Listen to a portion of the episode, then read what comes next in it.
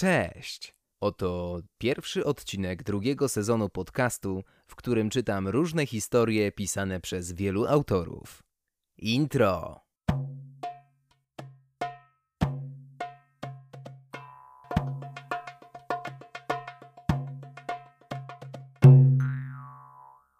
A dziś w oczytanym kameleonie będziemy mieli szansę zapoznać się z tekstem pod tytułem Synestezyjne abecadło autorstwa Anny M.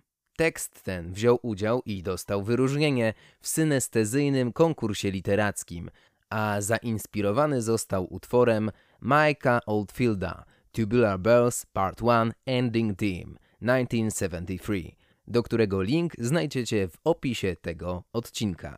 Ale zanim jeszcze przejdziemy do samego tekstu, kilka słów o autorce.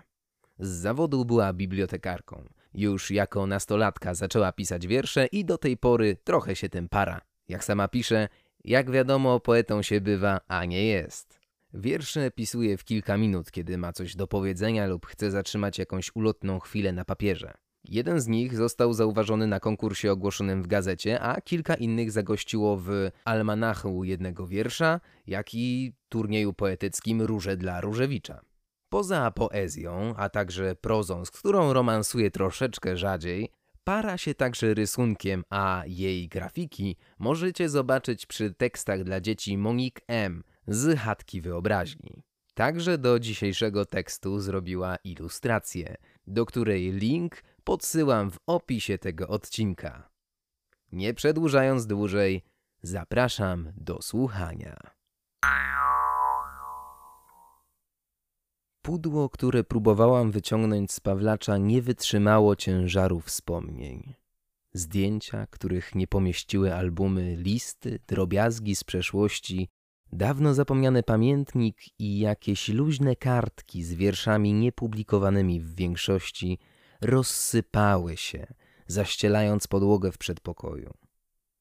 Na ten cały bałagan, tanecznie jak jesienny liść, spłynęła pożółkła kartka ze starannie wykaligrafowanym tekstem. Synestezyjne abecadło. Drukowane A jest białe i zimne, jak szczyty górskie pokryte śniegiem. B żółte jak piaskowa babka posypana makiem. C jest limonkowe i chłodne jak kwaskowa lemoniada. D pachnie sernikiem i ma lekko pomarańczową barwę.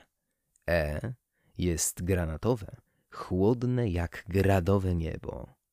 F przypomina fiołki i jak one pachnie fioletem. G jest karminowe i bucha od niego gorąco. H metalowe, srebrzyste, zimne. I sypkie jak piasek, bladożółte. J pachnie konwalią i jest jak one białe. K ciemnobrązowe i trochę chropowate. L pachnie wanilią, jak lody waniliowe. Eł zielone i pachnie jak łąka. M w kolorze malin, aromatyczne, słodkie. N błękitne jak wiosenne niebo. O jak opłatek śnieżno-białe. P pachnie piernikiem i goździkami. R delikatnie różowe jak róże ma kolce. S zielonkawe i wije się jak salamandra. T smakuje i pachnie jak truskawka. U krwisto-czerwone, ostre jak chili. W pachnie wiatrem i wolnością. X niewiadome, szkliste, przezroczyste. Y turkusowe jak jezioro. Z czarne, tajemnicze, zagadkowe.